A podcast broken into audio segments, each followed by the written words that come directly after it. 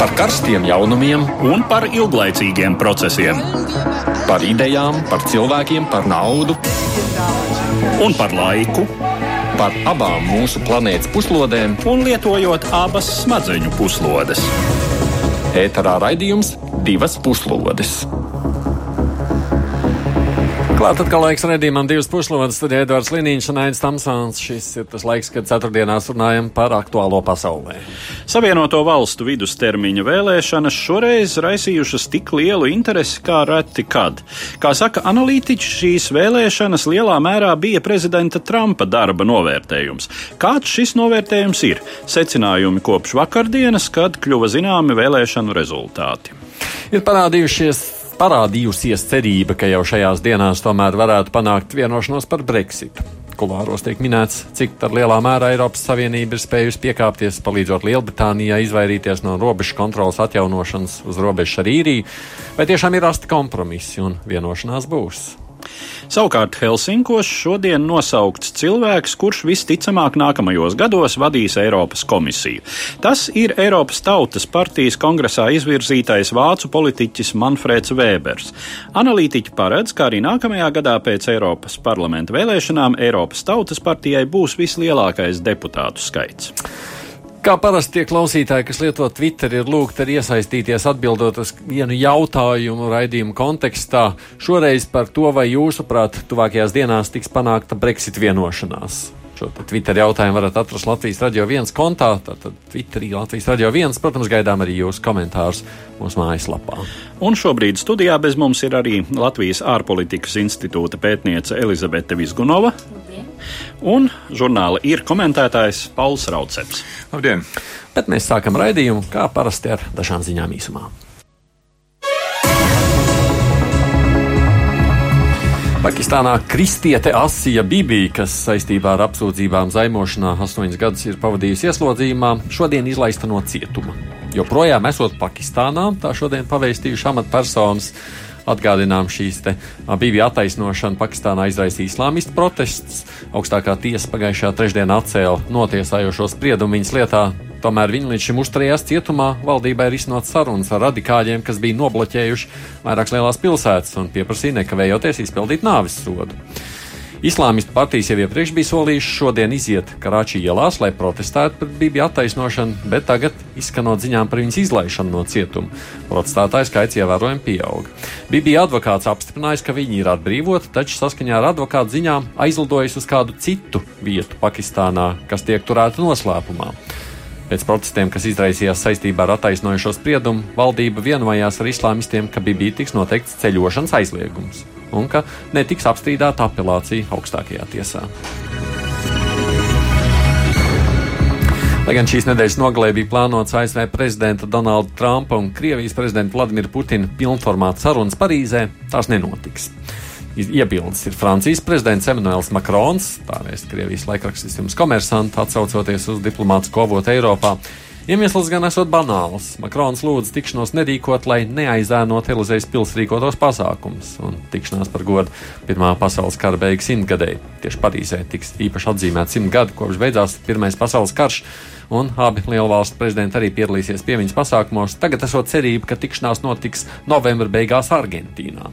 Tur Buenos Airesā būs G20 valstu samits.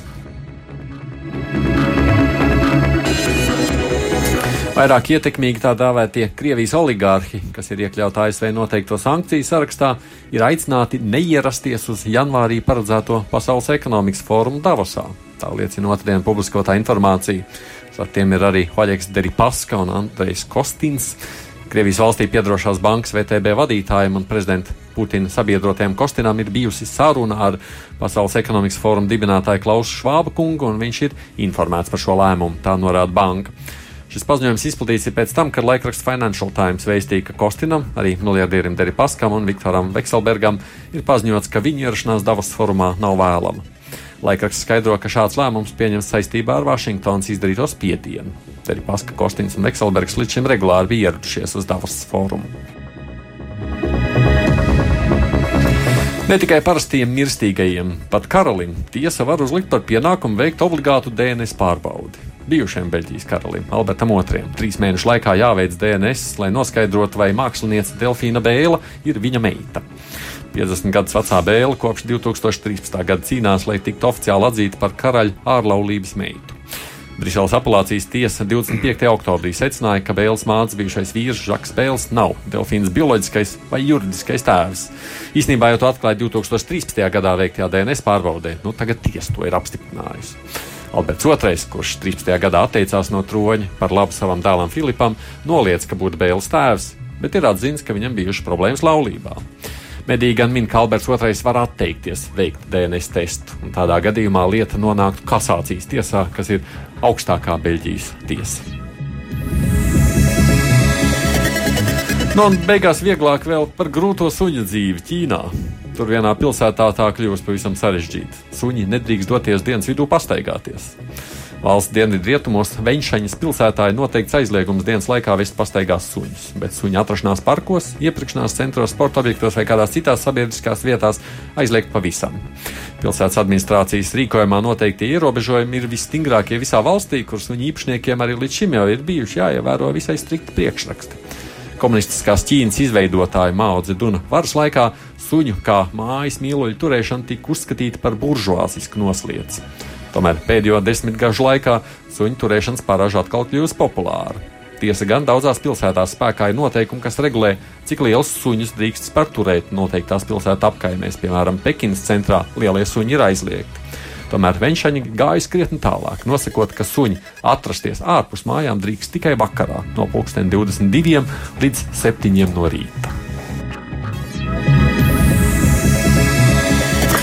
Nu, labi, tagad pievēršamies sākumā minētajiem tematiem. Vispirms par Ameriku un tur notikušajām vēlēšanām, un ne tikai.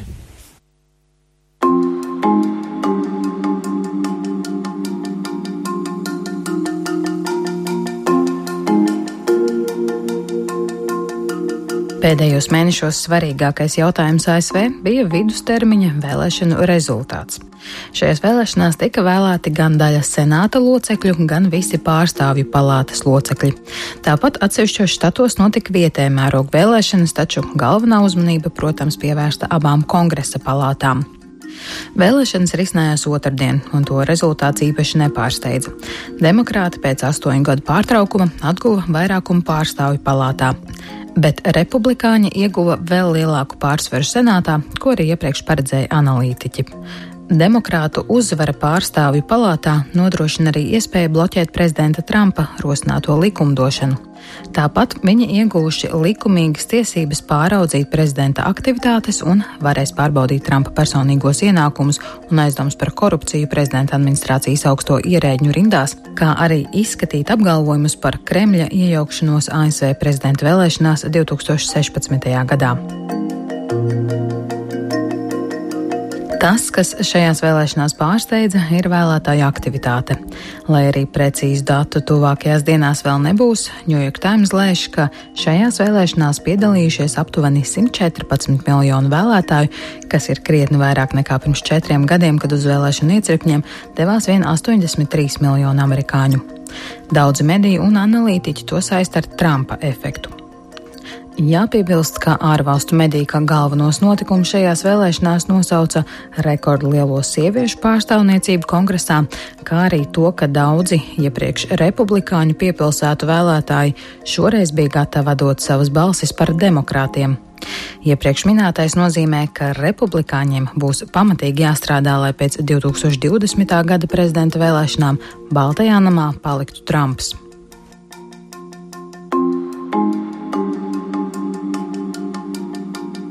Savukārt pats Donalds Trumps vēlēšanas nosauca par milzīgu panākumu republikāņiem. Tiesa vakar savā preses konferencē viņš arī publiski ņirgājās par tiem republikāņu kandidātiem, kas vēlēšanās zaudēja.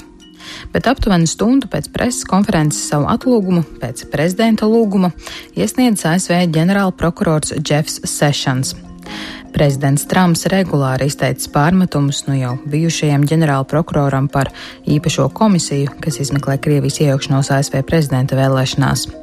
New York Times ziņo, ka Trumps jau mēnešiem vēlējies atlaist Sešonu, taču viņa administrācija uzskatīja, ka tas varētu negatīvi ietekmēt republikāņu izredzes vēlēšanās, tāpēc nav liels pārsteigums, ka tagad, kad vēlēšanas jau ir aiz muguras, Sešons pamet savu amatu.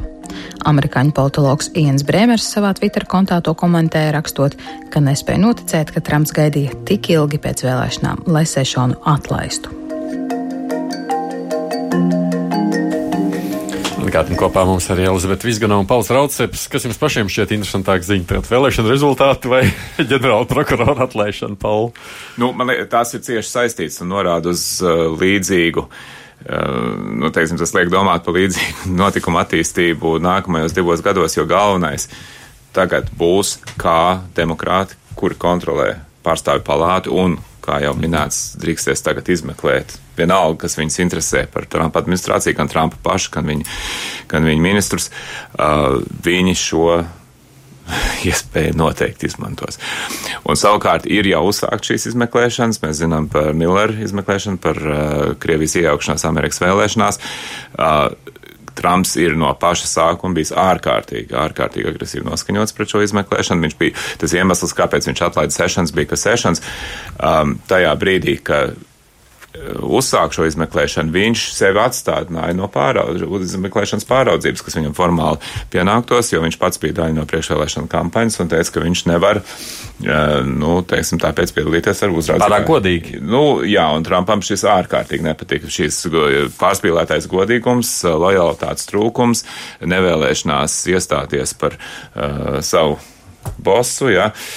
Un viņš viņu kritizēja, kritizēja, kritizēja, un tagad beidzot atlaida. Un tas cilvēks, kas ir iecelts kā pienākuma izpildītājs, ir advokāts, kurš jau ir publiski izteicies kritiski par Milleru, par to, ka Millers pārāk plaši izprot savus pilnvarus, pārāk daudz interesējas par lietām, par kurām viņam nebūtu jā, jāinteresējas. Formāli Milleru drīkst atcelt tikai gadījumā, ja parāda, ka viņš ir nu, kaut kādā veidā rīkojies pretlikumīgi vai pārkāpis savas pilnvaras, bet tas, mm, šie ierobežojumi balstās tikai uz tās tieslietu ministrijas iekšēji iekšējām regulām, kuras arī šis pats jaunais pienākuma izpildītājs varētu atcelt. Mm -hmm. Un, protams, teiksim, ja, ja tagad Milleru kaut kādā veidā sāk ierobežot, kas arī ir šī jaunā vietas izpildītāja spēkos, uh, samazinot viņam budžetu, aizliedzot viņam, um, teiksim, pieprasīt informāciju, teiksim, aiz, aizliedzot viņam aicināt kādus liecināt, piemēram, pašu Trumpu, pa ko ir visu laiku runa, vai viņš varētu aicināt Trumpu liecināt. Uh, nu, uzreiz, teiksim, skandāls būs milzīgs. Un... Elizabete, ko jūs domājat, kas tādu notiks ar to Krievijas iejaukšanās izmeklēšanu? Nu, man varbūt gribētos pakomentēt par to, kas tika iepriekš minēts par šo Trumpa efektu. Man šķiet, ka mēs redzam, tiešām mēs momentāli pārslēdzamies uz uh, pilnīgi citu jautājumu, kas nav vēlēšanas vairs nav. Ar, ar, ar vidustermiņu vēlēšanām, kas norāda, ka Trumpa efekts ir pilnīgi reāla lieta. Tanīpat laikā. Um, Vai viņš ir negatīvs? Es varbūt nepiekritīšu, jo, teiksim, nu, tur iepriekš bija tās runas par demokrātu vilni un zilo vilni, kas pārņems, teiksim, kontroli atkal savās rokās štatos, droši vien nenotiks. Jebkurā gadījumā es nezinu, vai to var uzskatīt par simtprocentīgu republikāņu uzvaru, bet viņi vēl joprojām kontrolē visas atslēgas institūcijas un fakts, ka senāts, jebkurā gadījumā, vēl joprojām ir republikānisks, nozīmē, ka runas par impeachmentu, kas ir bijušas pietiekami aktuāls iepriekš, noteikti neapstiprināsies. Pavisam cits jautājums patiešām ir par vēlētāju aktivitāti, jo ņemot vērā to, ka 14. gadā tie bija 36%, kas izgāja nobalsot, pie tam. Um, ņemot vērā to, ka pārsvarā tie ir, nu, teiksim, vecāka gadu gājuma cilvēki no konkrēti socioekonomiskās klases, kas pauž savu, teiksim, neapmierinātību, un tā rezultātā arī nobalsoja par republikāņiem šoreiz. Šī demokrāta uzvar tiešām parāda, ka iespējams jaunas, jauna, jaunākā paudze ir iesaistījusies vēlēšanu procesā. Patiešām ļoti populārs ir bijis arī šī, šī, šī catchfrāze par sievietēm, kas ir neapmierinātas mm. ar Donalda Trumpa gan izteikumiem, gan principā darbībām. Bet es, gribēju, es vienkārši gribēju pateikt, šīs, šī, tas līdzdalības līmenis ir augstākais kopš 1966. gada. 52 gados nav bijis tik augsts līdzdalības līmenis šajās te, no. starptermiņu vēlēšanās. Tā ir labā ziņa no Trumpa. 48%, jā, bet, bet tas otrs ir, uh, es piekrīstu, ka tā, šī nav pilnīgi demokrāta uzvara, bet kas ir noticis nepārprotam ir, ka ir vēl dziļāki iedzīt, iedzīts ķīles starp pilsētām un laukiem Amerikā. Tas ir tas, kas ir noticis, ir, kad pilsētas ar milzīgu pārsvaru nobalsoja par demokrātiem. Bet lauku rajoni, un ņemot vērā Amerikas uh, konstitūcijas uzbūvu, teiksim, ir štati, kur dzīvo mazāk cilvēku nekā dažos Ņujorkas, teiksim, dažās Ņujorkas, teiksim, sadaļās, Ņujorkas pilsētas, teiksim, Manhattan, teiksim, Manhattan ir lielāka par Wyoming, jā, teiksim, iedzīvotāju skaitā. Un tajā pašā laikā Wyoming, kā pamatā laucniecisks štats, nobalso, nu, pieņemsim, par Trumpu, un, teiksim, līdz ar to senāts kur tiek pārstāvēti štati, paliek republikāņu rokās. Jā. Un šī plaisa ir uh, tikai kļūst dziļāk, pateicoties Trumps spēja mobilizēt savus atbalstītājus, demokrāti vēl jau vairāk spēja mobilizēt savus atbalstītājus. Teiksim, ja skatās visā Amerikā, atbalsts demokrātiem pieaug par 10% arī vietās, kur republikāņi uzvarēja. Jā, teiksim, tas viņa tas pārsvars bija mazāks. Un skatoties tālāk, teiksim, tas, nu, šo, te, teiksim, tas, tas, uh, tas rezultāts ir svarīgs politiski tāpēc, ka pārstāvju palāta sāks tūlīt izmeklēt Trumpu. Mēs arī, do, visi arī domā, ko tas nozīmē prezidenta vēlēšanām pēc diviem gadiem. Un šajā gadījumā, nu, teiksim, nevarētu teikt, ka demokrāti var justies uh, pilnīgi pašpārliecināti. Protams, tur tā, tā tas nevar būt, jo, teiksim, tas atbalsts šajos te uh, tuvo, nu, teiksim, vidienu štatos uh, nav pārliecinoši. Tajā pašā laikā Trumps uzvarēja 16. gadā pateicoties tam, ka viņš saņēma apmēram 100 tūkstotis vairāk balsu, kas kopējā fonā, protams, ir ļoti maz trijos štatos - Mičigānā, Viskonsīnā un um, Pensilvānijā. Un šajos trijos štatos demokrāti uzvarēja. uzvarēja. Mm -hmm. Es jā. zinu, bet Kārlis Dagils jau kādu laiku kolēģis, jā, jā. šobrīd mūsu Latvijas radio kolēģis atrodas Amerikas Savienotajās valstīs un klausās mūs pie tālruņa klausulas, vai ne, Kārli? Halo! Jā, un man secinājums, ka jūs, manuprāt, zinat labāk par lietām Amerikā nekā es esmu šeit. Tā kā ļoti precīzi patiesībā abi, abi, abi abi ētera viesi noraksturoja to, kas šobrīd šeit arī notiek. Bet es gribētu jautāt par tām emocijām un sajūtām, jo tās savukārt tikai tu tur varbūt vari vairāk sajust. Nu, kā, kādas ir tās sajūtas pašā Amerikā šajās dienās, ko runā kā cilvēki apspriež? Nu, patiesībā man bija tā iespēja būt uh, gan klāt uh, tām prezidenta vēlēšanām pirms diviem gadiem, gan, uh, gan būt šeit Amerikā arī tagad. Un patiesībā tā atšķirība ir milzīga. Tomēr uh, prezidenta vēlēšanas uh, bija daudz tādas saviņojošākas un emocionālākas un ar lielāku interesi un daudz dažādiem pasākumiem, uh, rezultātu gaidīšanu un visu pārējo. Uz šīm starpvēlēšanu periodiem, šīm, uh, es nezinu, kā to latviešu tagad no nu jā, vidus, tā, vidustermiņš, vidustermiņš, tā varētu sacīt, jā. Vidus, vidustermiņa vēlēšanas nu, tomēr tā, tā, tā interese vismaz par rezultātiem nu, no tādiem cilvēkiem un apkārt nu, nav bijusi tik liela kā prezidenta vēlēšanās. Bet tas neno, ne, nekādā veidā nemaina faktu, ka um, nu, šī līdzdalība vēlēšanās ir bijusi tiešām ļoti, ļoti, ļoti liela. Un, protams, cilvēki um, Trumpa efekts, kuru jūs arī minējāt, ir milzīgs attiecībā uz cilvēku iesaistīšanos uh, politiskajos procesos gan no vienas puses, gan arī, protams, no otras partijas puses. Un tā, ja drīkst vēl pajautāt, savukārt, nu, mēs te pievēršam jau uzmanību arī ģenerālprokuroram izmeklēšanai par Krievijas iejaukšanos. Tas ir interešu lokā. Tas ir tas, par ko mēdī šobrīd uh, daudz runā Amerikā, ka tas būs pirmais, pirmais efekts, ko mēs droši vien redzēsim turpmākajos uh, divos mēnešos. Jo pirmkārt, pārstāvji pārstāvji, kas um, mm, tika ievēlēti tagad, viņi jau nesāks darbu rītā. Viņi to darīs tikai pēc diviem mēnešiem. Es domāju, ka šajā divu mēnešu periodā tieši uh, Krievijas uh, ietekmes izmeklēšana varētu būt tas uh, faktors, kas uh, tā, tā, tas, tas, tas skaļākais iekšpolitiskais. Um, iekšpolitiskā diskusija, iekš, iekšpolitiskie notikumi, kas te varētu satricināt um, Ameriku, ko darīt ar, ar uh, Mullera uh, izmeklēšanu.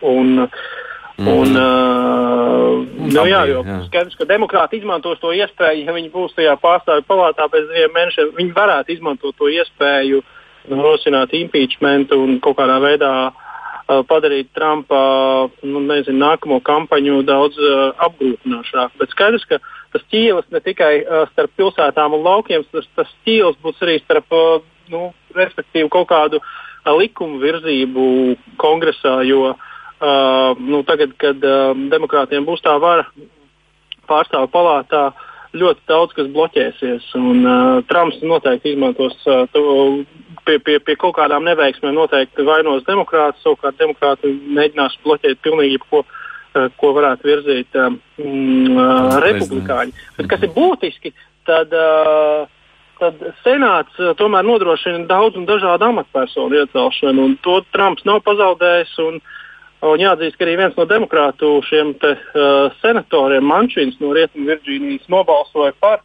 konservatīvo uh, augstākās tiesas tiesnesi uh, uh, Bretu Kavenā, kurš uh, un tādā veidā nodrošinot arī savu kā, pārvēlēšanu Rietumu Virģīnijā. Uh, Mums senatori. Labi, jā. Konservatīvs štats. Paldies, Kārli. Kārlis Dagils, kolēģis. Klausoties visā, tagad tev ir iespējas, Eduard, teikt savu komentāru. Jā, tas, kas izskan šī Trumpa efekta un šī ķīļa jeb plaisas sakarā, uh, ir jautājums, būtiskais jautājums par to, vai šī nav plaisas starp to, ko mēs tradicionāli saprotam ar rietumu demokrātijas vērtībām, un jaunu rietumu politiku, jaunu politiku Amerikā, kas par normālu uzskata kaut ko citu. Uh, un, starp citu, šis motīvs izskanēja arī uh, mūsu nākamā temata, viena no nākamajiem tematiem sakarā, tātad uh, šodien un vakar un šodien Eiropas Tautas partijas vēlēšanās, kur debatēja iespējamie kandidāti uz nākamo Eiropas komisijas prezidenta posteni, proti Manfrēds Werners un Aleks Stūps. Un eh, šais debatēs izskanēja tas, ka Eiropai šīs vērtības joprojām ir būtiskas, bet tās ir apdraudētas cita starpā tāpēc, ka Amerikā pie varas ir cilvēks, kurš šīs vērtības nerespektē un veido eh, šai politikai atbilstošu tādu el monolīta elektorāta platformu. Un tas, kas ir, uh, tas, kas tiek konstatēts, ka tiešām jā, no vienas puses uh, sabiedrības aktivizēšanās, tā tas ir, bet eh, būtisks antagonisms, un, mm, nu, kas ir teiksim, tipiski un loģiski. Trumps veido savu, eh, savu elektorātu, eh, konsolidē savu elektorātu uz tāda parteiskuma bāzes, kas nekādā ziņā nenozīmē toleranci, un uz konservatīvu, Uh, netolerantu uzskatu bāzes. Bet mēs vispār šeit runājam ja, par tādiem ķīļiem, nu tād, mm. jā, tādām plaisām, kas vai uz vērtību pamatu, vai uz kaut ko tam līdzīgu, kas vērojam, laikam, visā pasaulē. Absolūti, jā.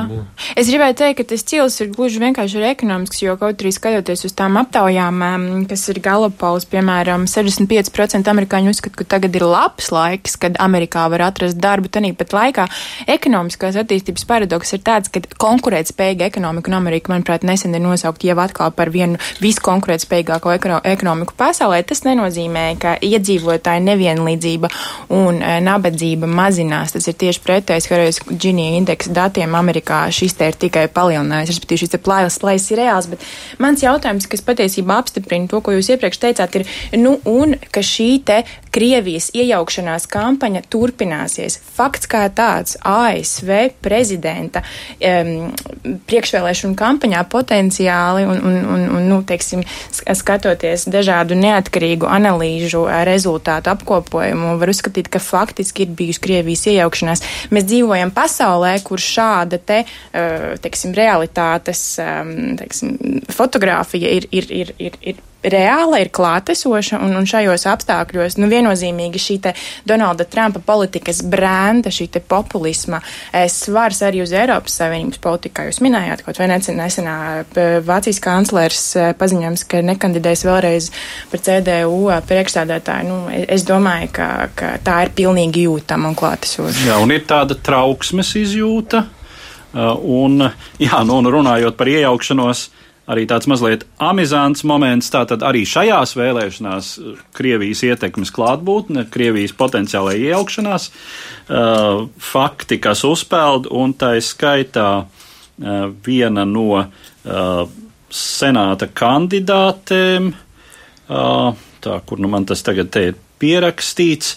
Um, īsāk sakot, ir darījusi zinām, un, un darījusi zinām ne vairāk, ne mazāk kā federālam izmeklēšanas birojam, eh, ka uz viņas eh, tātad priekšvēlēšanu štābu ir, kāda, ir zvanījusi kāda persona, kas uzdevusies ne vairāk, ne mazāk kā par Latvijas uh, valdības pārstāvi un vēlējusies parunāt par sankcijām pret Ukrainu, jo šī senatore ir uh, kaismīga šādu sankciju un Krievijas agresijas Ukrainā šādu sankciju atbalstītāji un Krievijas agresijā Ukrainā. Jā, es zinu, ka jūs gribat runāt, bet man ir palikuši mazāk par pusstundu vēl divi tēmāti. Es vienkārši par, par, par, par jo, jo, teiksim, kā, kā šis ietekmēs mūs, teiksim, tie notikumi, mm. un ir sevišķi kā Amerikas attiecības ar Krieviju, katrā ziņā, ja skatās, kā Krievijas valsts televīzija un valsts uh, mēdīju pārstāvi šo interpretē, viņi ir ārkārtīgi pesimistiski. Viņi uzskata šo par milzīgu zaudējumu.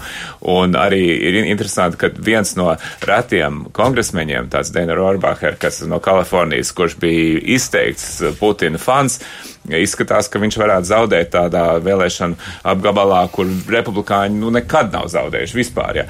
Tā ka tur šis te tā, tā Amerikas. Uh, tas, ka tagad demokrāti, kas tradicionāli ir bijuši tādi, nu, izprotošāki, te, teiksim, pret Krieviju, pret Padomu Savienību arī agrāk, tas, ka viņi tagad ir tik ļoti pavērsušies pret Krieviju, nozīmē, ka, uh, nu, katrā ziņā, teiksim, Amerikas kongresā, varbūt ne Baltānamā, bet kongresā nostāja pret Krieviju kļūst tikai stingrāk. Tik tagad, labi. Mēs par ASV šā vai tā daudz runāsim. Jā. Šodien mēs tālāk pievēršamies tepat Eiropai un notiekošiem šeit.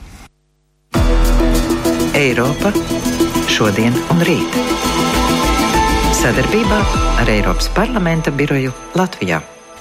Izskatās, ka parādīsies cerība tomēr panākt vienošanos Brexit sarunās, un par to arī tūlīt pat turpinām.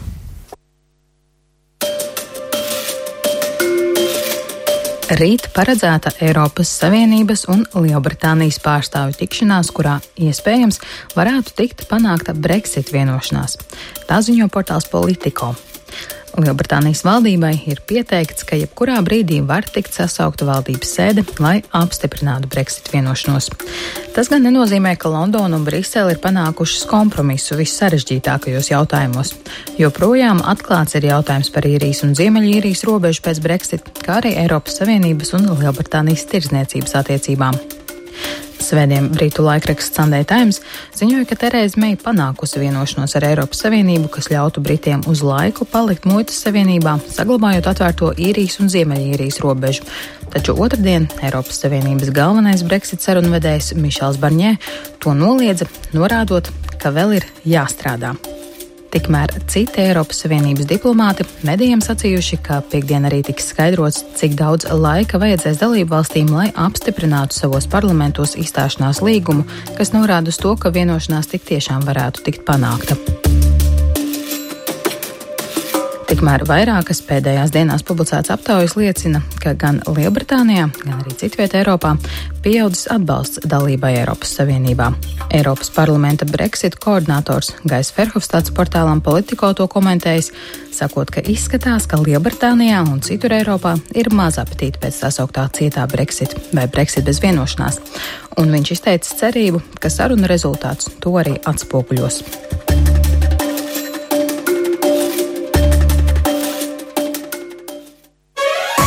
Divas puslodes. Atgādījums studijā šeit Latvijas ārpolitikas institūta pētniece Elizabete Vizganova un žurnāla līdz komentētājs Pauls Rauceps. Protams, arī mēs ar Eduardu Liniņu. Ko sakāt par tām nojausmām, ka vienošanās būs? Kāds jūsu likums? Jā, nu, vienošanās ir acīm redzama nepieciešamība. Bez vienošanās par to jau mēs vairāk kārt esam runājuši. Šī izstāšanās uh, būs te vai katastrofa. Lielbritānijai pirmām kārtām. Vēl vairākām citām valstīm arī ļoti smags trieciens. Nu, pirmām kārtām īrijai, ko mēs tīri geogrāfiski saprotam, kas ir faktiski nošķirta no pārējās Eiropas Savienības ar šobrīd izstājušos Lielbritāniju. Domājams, arī Benelux valstis varētu sajust, kas ir savukārt tranzīta ziņā galvenais tranzīta punkts satiksmē uz Lielbritāniju, preču plūsmās un tā tālāk. Līdz ar to, nu, protams, simptomi kā vienošanās tomēr ir iespējama. Nu, ka tā acīm redzot tiks panākt, nu, tas liek ļoti daudziem atvieglot nopūst. Jā, lai gan mēs tā kā prasījām saviem klausītājiem, nu, lai Twitterī tādu nobalso kopš šādiem pār pa 50 balsojuši, absolūtais pār, pār pa 90% domā, ka nekāda vienošanās nesanāks tur. mēs esam skeptiski ļoti par to. Nu, es domāju, mūs tas neskar, varbūt tāpēc mēs tā, tāpēc mēs improvizējam. Ja, Elizabet. nu, tur tā fundamentālā problēma šobrīd ir saistīta ar šo te backstop sistēmu, kas attiecīgi ievieš kontroli starp Lielbritānijas un Ziemeļīrijas robežu, kas netraucē tirzniecību savā starpā un vienā vai citā veidā garantē arī, protams, Ziemeļīrijas miera saglabāšanu, kas patiesībā šis drošības risks ir pietiek, atsauc uz pietiekami neseniem notikumiem, kuru tā teikt, tā iekšējā sajūta ir tāda, ka viņi potenciāli varētu atkārtoties. Tas, tas ir tas lielākais izaicinājums. Jā, tas tas lielākais šobrīd izaicinājums. To izaicinājumu vēl ir ļoti daudz daudz, un tāpēc es gribētu teikt, ka tad, ja atrisina šo te, um, kas, protams, šis ir tas lielākais punkts un nav simtprocentīgs garantijas, ka, um, no deal Brexit ir absolūti noņemams no galda. Tas ir jāņem vērā, un šīs te izstāšanās, vienošanās un līguma, kas uh, dalību valstīm ir jāizveido, viņi jebkurā gadījumā ir jāizveido, tas ir Eiropas Savienības notikumos. Viss, nu, viss tā dalību valsts, izņemot Lielbritāniju, tādā gadījumā, nu, tad pildīs šos te Eiropas Savienības noteikumus. Tas, ka dalību valsts ir sākuši to sagatavot, šobrīd vēl neko īsti nenozīmē. Tas ir tikai papīrs, ko pievieno Eiropas Savienības mm. vienošanām, tas ir aneks. Mm. Tas vēl neko nenorāda. Palkot saka par iespēju. Par iespēju. Ne, nu, es domāju, ka visi saprātīgi cilvēki, protams, grib, lai tiktu panākt vienošanās. Un tā vienīgā iespējamā vienošanās, kas tagad sāk veidoties, ir, ka pēc būtības Lielbritānija de facto paliek kā daļa no Eiropas lielās tirdzniecības zonas līdz brīdim, kad var vienoties par kaut kādu, kaut kādu nākotnē par jaunu tirdzniecības līgumu, kas nosaka šīs attiecības.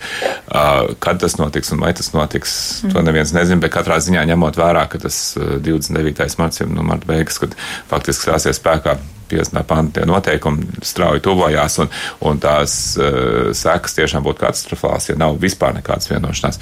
Nu, kaut kam ir jānotiek, un var just, ka arī pašā Londonā uh, mēja, kurai bieži pārmet to, ka viņa ir neizlēmīga un kaut kā nespēja tur visu kā nomenedžēt. Var, varbūt, nu, varbūt beigās vēsture pateiks, ka viņa ļoti gudri šo ir izspēlējis nogaidot līdz pēdējiem brīdim, un tad pēc būtības panākot, ka visi saprot, kādas būs šausmas, ja izstāsies bez līguma, un līdz ar to nostumjot malā visas savas konservatīvās partijas šos cietā Brexit fanus, jā, un pasakot, jūs tiešām to gribat, nu labi, bet tad rēķināties, un viņi var redzēt, ka viņi kļūst aizvien klusāk šie cilvēki. Viņi aizvien mazāk sāk eh, pīkst par to, ka, teiksim, ka tas, ko mēģi, ka mēģi ir gatavi piekrist, ka tas tā ir nodevība un, teiksim, viss referenduma rezultātu noliekšana. Ja, jo, jo pēc būtības jau tā ir. Ja, teiksim, tas, kam Briti ir gatavi, acīm redzot, tagad piekrist, ir vissliktākais, nu, teiksim, tā no kaut kāda tāda abstrakta skatoties, uh, vissliktākais variants, jo viņiem būs jāpieņem visi Eiropas Savienības noteikumi, Eiropas Savienības tarifi, Eiropas Savienības regulas par, teiksim, preču uh, ražošanu un tā tālāk, bet viņiem vairs nebūs nekāda teikšana. Bet tas ir tās par lielā jā, mērā tieši Lielbritānijas piekāpšanos, jā. vai tomēr te ir runa arī par Eiropas Savienības kaut kādu nu, piekāpšanu? Nu, nē, no Eiropas Savienības, teiksim, ņemot vērā to sākotnēju uzstādījumu, protams, viņi spēruši pārsoļus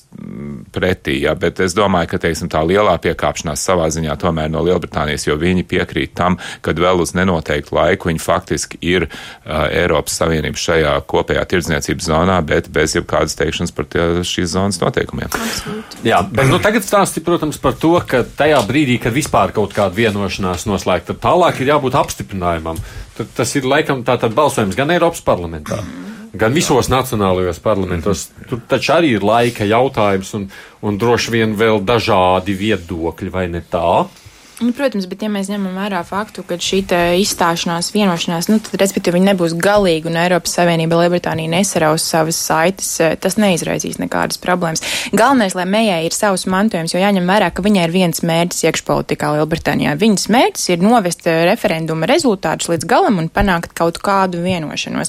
Arī viņas kā politiķis interesēs ir eh, attiecīgi izveidot apstākļus tādus, lai nu, pēc tam no tā visa varētu kaut ko veidot. Un, nu, ne, ne Briseles, ne Lielbritānijas interesēs ir eh, šīs attiecības saraut līdz galam. Jautājums savukārt, tas, kas parādās ar vien pēdējās dienās vairāk, nu, tad varbūt tomēr otru referendumu. Cik jūs redzat, tas ir reāls? Nu, katrā ziņā tas, ko uh, man ir nācies dzirdēt līdz šim, tas nav sevišķi reāls uh, risinājums, uh, jo Visdrīzāk aptaujas rāda, ka tie skaitļi varētu būt citādi. Nu, nu, maz, vairums, mazliet, mazliet citādi. Nu, tieši 4% jau bija teikuši, ka ir gatavi balsot par palikšanu Eiropas Savienībā šobrīd. Bet, nav, bet tā viena problēma ir tā, ka nav īsti politiski spēki, kas nes, nes šo vēstu Lielbritānijā un uzstādīt skaidru piedāvājumu, jo tie piedāvājumi, ja viņas lasa, daži no viņiem ir pat absurdi. Tur, piemēram, ir viens uh, piedāvājums, ka ir referendums, kurā ir trīs izvēles. Nu, kaut ko murgaināk vispār grūti iedomāties, jo tad ir pilnīgi skaidrs, ka nobalsos 33, 33, 33% par katru no tiem, un tad, nu, saprot, ko tauta atbalsta tādā gadījumā. Ja? Uh, Tā, un pašā Labour partijā arī, nu, kas formāli ir opozīcijā, ir skaidrs, nu, tās vadītājs Korbins, uh, nu, sirdī viņš taču arī ienīstu Eiropas Savienību kā kapitālistu sazvērestību, ja būdams vecs marksists pats, ja, un līdz ar to viņš jau neies tur sevišķi cīnīties par Lielbritānijas palikšanu tajā. Tā ka, nu, man liekas, ka tas. Eh, jā, nu, Skotijas, Skotijas neatkarības partija ir eh, vienīgie, vienīgie kas, teiksim, ir konsekventi pro-eiropeiski. Nu, kas nozīmē, mums ir stāsts par to, ko mēs rīt uzzināsim, vai ne? Vai tā ir laba ziņa vai slikta ziņa no, no tāda viedokļa? Vai ziņu nav? Nu, var, nē, nu, var, nu, varbūt, viņi vēl, varbūt viņi vēl pavilks drusku ilgāk. Es, mm. es domāju, ka, ši, nu, kā mēs zinām, Eiropas Savienībā viss šīs uh, vienošanās tiek panāktas trijos no rīta pašā pēdējā dienā, kad to ir iespējams panākt. Tā. Mm. jā, tā ka viss ir normāli. jā, jā, jā. Uh, ja, pabeidzot tikai šo stāstu, ko nozīmē tās, tā versija, kas parādījās, tātad sandītājums, ja man liekas pareizi runājot par to, ka tā kompromiss varētu būt pagaidām muitas pārbaudas uzņēmumos uz ražotnēs, uz vietas un nevis uz robežas nu, kamēr Es, tiek noslēgts kaut kāds brīvais tirdzniecības līgums. Tas liekas ļoti, nu, es domāju, ka to, to gan Eiropas Savienība visu laiku ir teikusi, ka viņi nepieņems kaut kādas risinājumus, kas balstās uz kaut kādām pēc būtības nēsošām tehnoloģijām un, Jā. un, un teiksim, procedūrām, jo, jo nu, tas. Tā ir pīle, jā. Vai pagaidām. Viņiem tā problēma ir ar pagaidām, jo kurš risinājums, kas tik lietas lietā, tam ir jābūt ilgtermiņa risinājumam, nu, kas strādās. Jautājums, protams, kas ir šī, šī pārbaude, nu, vai tās tiešām ir. Uh, tādas pārbaudas, kas ir adekvātas muitas pārbaudas mm. procedūrai, vai tā ir vienkārši kāda deklarēšana iespējams mm. elektroniski, nu tad tas ir iespējams. Jā. Mm. Jā. Nu, labi, mums ir vēl viens temats, runājot par Eiropu, un tās ir ziņas, kuras nu, faktiski tā arī zināmas tikai pirms pāris stundām.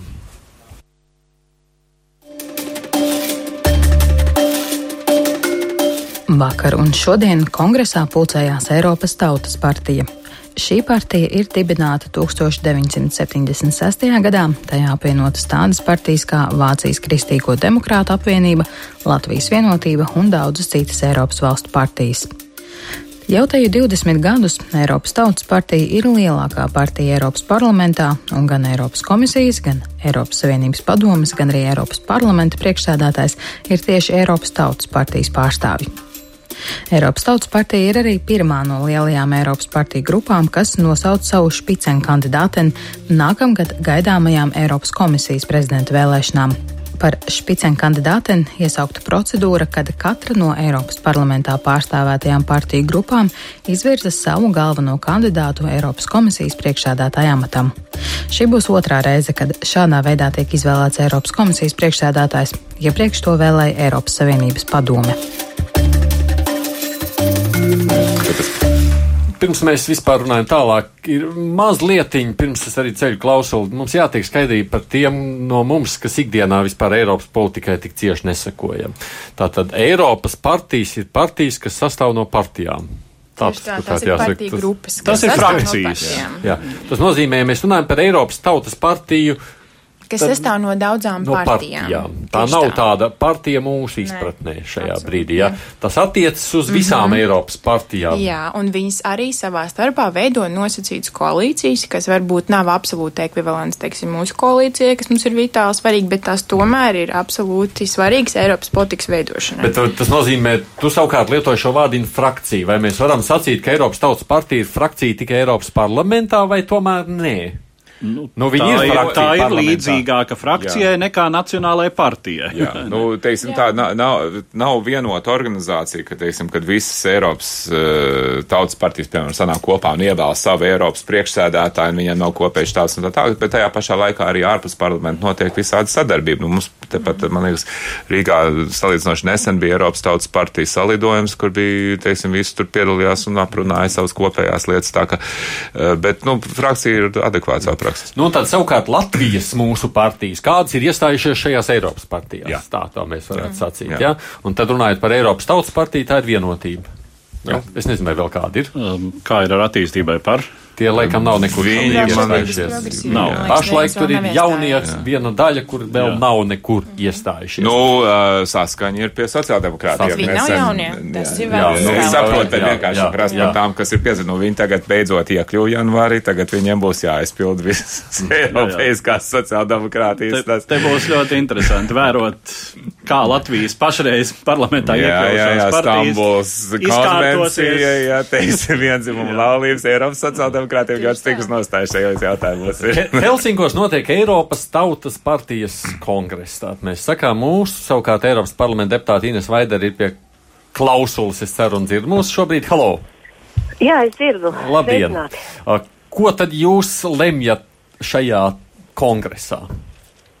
Nu, šajā kongresā laikam pats galvenais jautājums, skaties, no kuras puses gribi, ir jaunā galvenā kandidāta, jeb kā to dēvē šo amatu vāciski špicen kandidāta ievēlēšana. Un, protams, mēs arī runājam par nākotnes iecerēm. Tomēr tas, ka tika izvirzīti divi ļoti spēcīgi kandidāti, Manfreds Vēbers no Vācijas uh, un uh, Aleksandrs Stulbs no Somijas, un kuri ļoti aktīvi veica šo vēlēšanas kampaņu, uh, tas laikam noteica to toni šajā kongresā visvairāk. Tas nozīmē, šie divi cilvēki mēģināja pārliecināt, ka viņi varētu būt vislabākie Eiropas komisijas vadītāji. Jā, tieši tā arī bija, un tik tiešām viņi abi bija ārkārtīgi cienījami kandidāti, un uh, cīņa bija visai līdzvērtīga. Un jūs tad balsojāt savukārt par vienu vai otru. Uh, Mēs balsojām par uh, vienu vai otru. Rezultāti ir gandrīz 500 uh, balsu par um, Manfredu Vēberu un nedaudz vairāk par 100 balsīm par Aleksandru Stubu.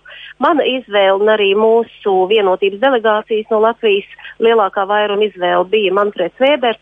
Manfredu es pazīstu jau vismaz 14 gadus, kopš es esmu Eiropas parlamentā, un Manfreds ir cilvēks, kas saprot ļoti labi Latvijas problemātiku un allaž nostājas kaut kādā veidā mūsu pusē. un Viņš ir ļoti demokrātisks, pie viņa ir vienmēr ļoti viegli vērsties.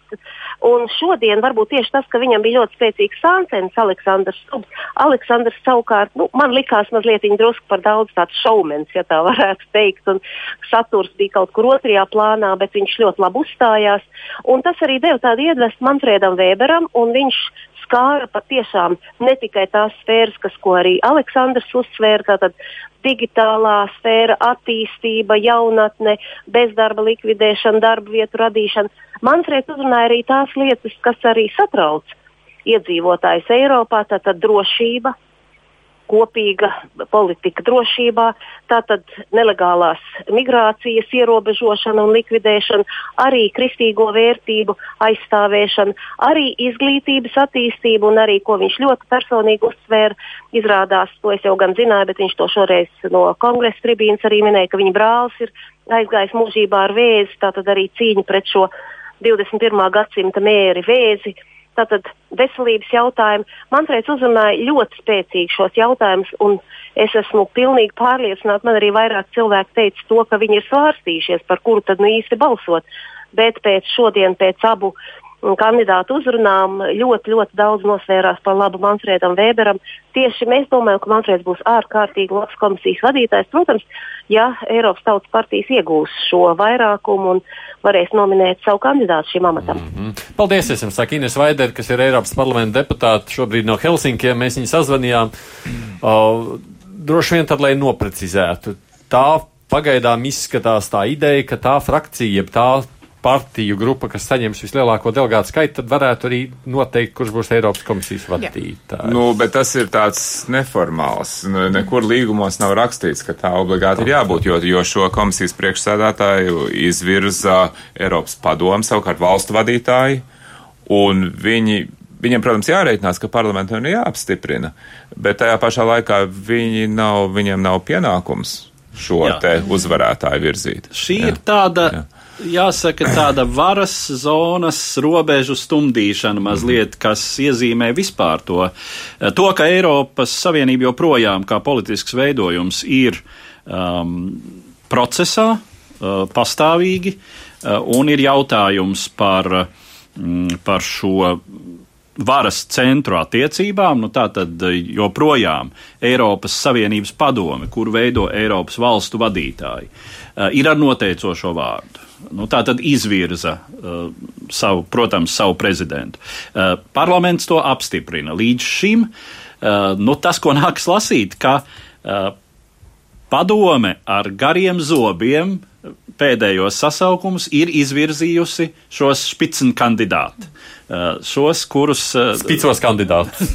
spices, spices. Tu, ja jau nu mēs lietojam, tad lietosim Latvija, latviešu valodas uh, ģermānisko žargonu un teiksim spices kandidāts. Jā, jā un, un, jo tas tur fonā visu laiku ir jautājums, kurš tad Eiropā tomēr nosaka lietu kārtību.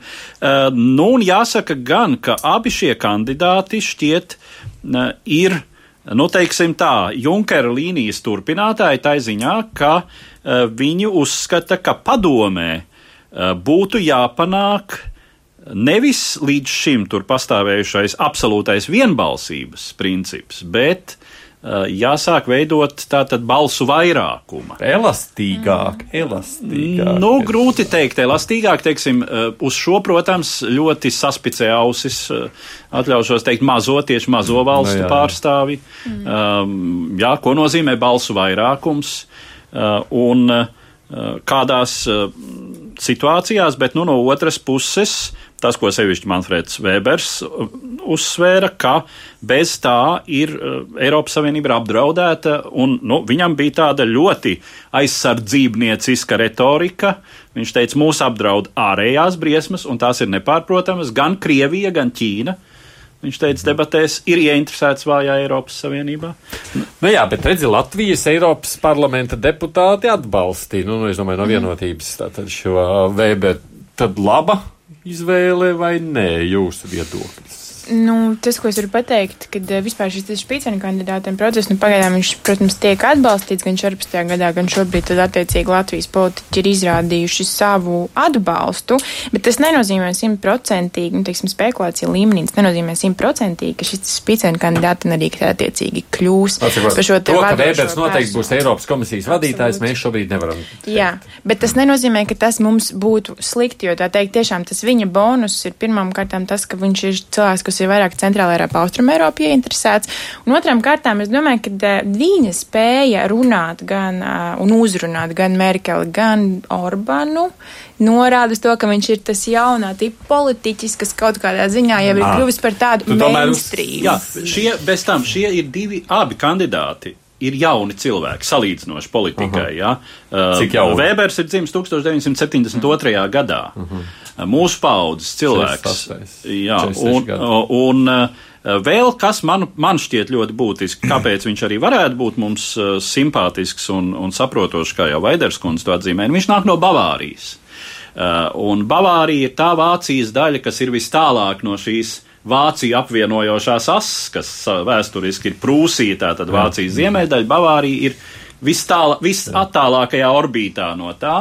Tātad daļa, kas vienmēr ir apzinājusies sevi kā kaut ko lielā kopumā, kaut ko mazāku un atšķirīgu. Mm. Bet, Paul, bet jebkurā gadījumā es domāju, tas jautājums kā tas viss izskatīsies uh, pēc nedaudz mazākā gada, pēc uh, Eiropas parlamenta vēlēšanām un kā padomus to skatīsies, jo ir jau skaidrs, ka, piemēram, Makrons ļoti skeptiski skatās uz šo špicenu kandidātu procesu.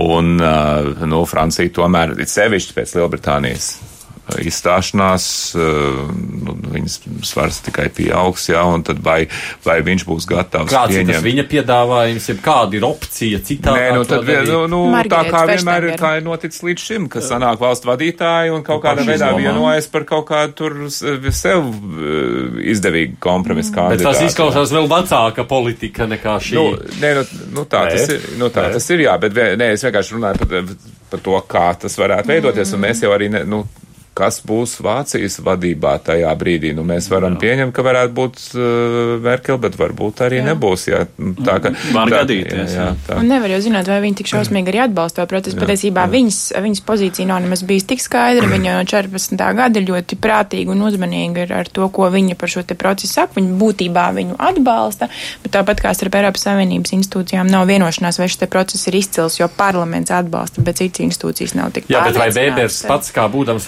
vācietis, viņiem ir domstarpības būt? Viņam nav domstarpības. Nu, viņš, viņš, Viņš nav, ir viņš ir ne tikai bet- vācietis, viņš Jā. ir Merkeles uh, partijas, nu, satelīta partijas, ja šī Bavārijas sociālā savienība, tā tad arī kristīgi sociāls spēks uh, Mhm. pārstāvs. Bet endorsement un klusa atbalstīšana, tās ir divas, teiksim, šī tāda atklāta atbalstīšana vai klusa atbalstīšana, tās ir divas dažādas lietas. Un, piemēram, Makrons jau ir pateicis, ka viņš visticamāk neatbalstīs nevienu špicenta kandidātu. Ir spekulācijas, ka tā varētu būt Feštanger, bet tam nav nekāda apstiprinājuma.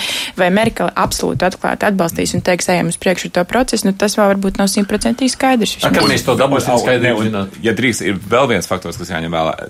Nākamgad uh, atbrīvosies virkne citu ļoti svarīgu Eiropas Savienības amatu. Un tad viss arī skatīsies, ap, ap, ap, nu, te ir vācietis tur, vai nu, tad nevar būt vācietis kaut kur citur. Nu, piemēram, teiksim, ir uh, Vā- Vācijas kandidāts uz Eiropas centrālās bankas amatu. Nu, teiksim, mm -hmm. Tas netiek uzskatīts par ļoti ticām, bet katrā ziņā tas ir arī faktors, ko ņems vērā, lemjot par to, kā viss šī amata tiek sadalīts starp dažādām valstīm, uh, politiskām grupām uh, un tā tālāk. Jā. Bet tas notiks pirms vai pēc Eiropas parlamenta vēlēšanām šīs te grūstīšanās, tādā ziņā politiska grūstīšanās? Vispirms jau jāredz rezultāti. Nu, jā, jā, jā, jā, bet tāpēc nu, es jautāju, vai tas nozīmē vispirms redzot rezultātu un Jā. tad? Jā, jā. Pilnīgi noteikti Jā, jā, Eiropas jā. parlamenta vēlēšanas būs ļoti izšķiroša robeža Jā. šķirtne. Un arī jāņem vērā, ka tad Eiropas parlamenta divās pirmajās vietās abi divi ir vācieši. Un patiesībā tā ideja par to Vācijas ietekmi, nu, mm. teiksim, arī Centrālā Eiropā patiesībā ir ar tādu diezgan lielu skepsi apskatīta. Līdz ar to, nu, tur būs kompromiss, respektīvi, tas, tas, kas mums ir jāgaida. Tāpēc es arī, teiksim, neteiktu, ka 100% šis špīcēņu kandidāta aizies, varbūt 80, bet, nu, vēl ne 100. Mhm, Tā ziņas šobrīd ir. Nu, savukārt, runājot par Latvijas partijām, nu nav jau tikai vienotība. Vēl jau ir jautājums, jā, ko Latvijas partijas darīs tās, kuras šobrīd Jā, tur- tur būs ievēlētas Eiropas parlamentā. Kampaņa jau lēnām sākās. Katrā ziņā iedzīvotāju musināšana iet un balsot noteikti ir sākusies. Nu, Es nezinu, tas vārds musināšana būtu aicināšana. Mudināšana. Mudināšana. Drīzāk varbūt lietosim šo vārdu. Nu labi, paldies. Mēs tādā ziņā ielūkojāmies runājot par to, kas šodien notiek, ja noticis un vēl notiek Helsinkos, kurā tā tad ir izraudzījusi Eiropas Tautas partija savu iespējamo līderi Eiropas komisijas vadītāja amatam. Šeit studijā bija no Latvijas ārpolitikas institūta pētniece Elizabete Visgunova un žurnāla virtu komentētājs Pauls Rauceps. Paldies jums, kā atnācāt šeit uz raidījumu. Protams, arī Latvijas raža žurnālists Edvards Liniņš šeit studijā. Paldies, Paldies. Arī, un mūsu producenti Ieva Zeize. Nu, kā vienmēr arī studijā bija Esaits Tomsons, saka atkal visiem klausītājiem uz sadzirdāšanos nākamajā reizē, kad lūkosim, kas atkal ir jauns noticis abās mūsu zemeslodes puslodēs. Eiropa šodien un rīt. Sadarbībā ar Eiropas parlamenta biroju Latvijā.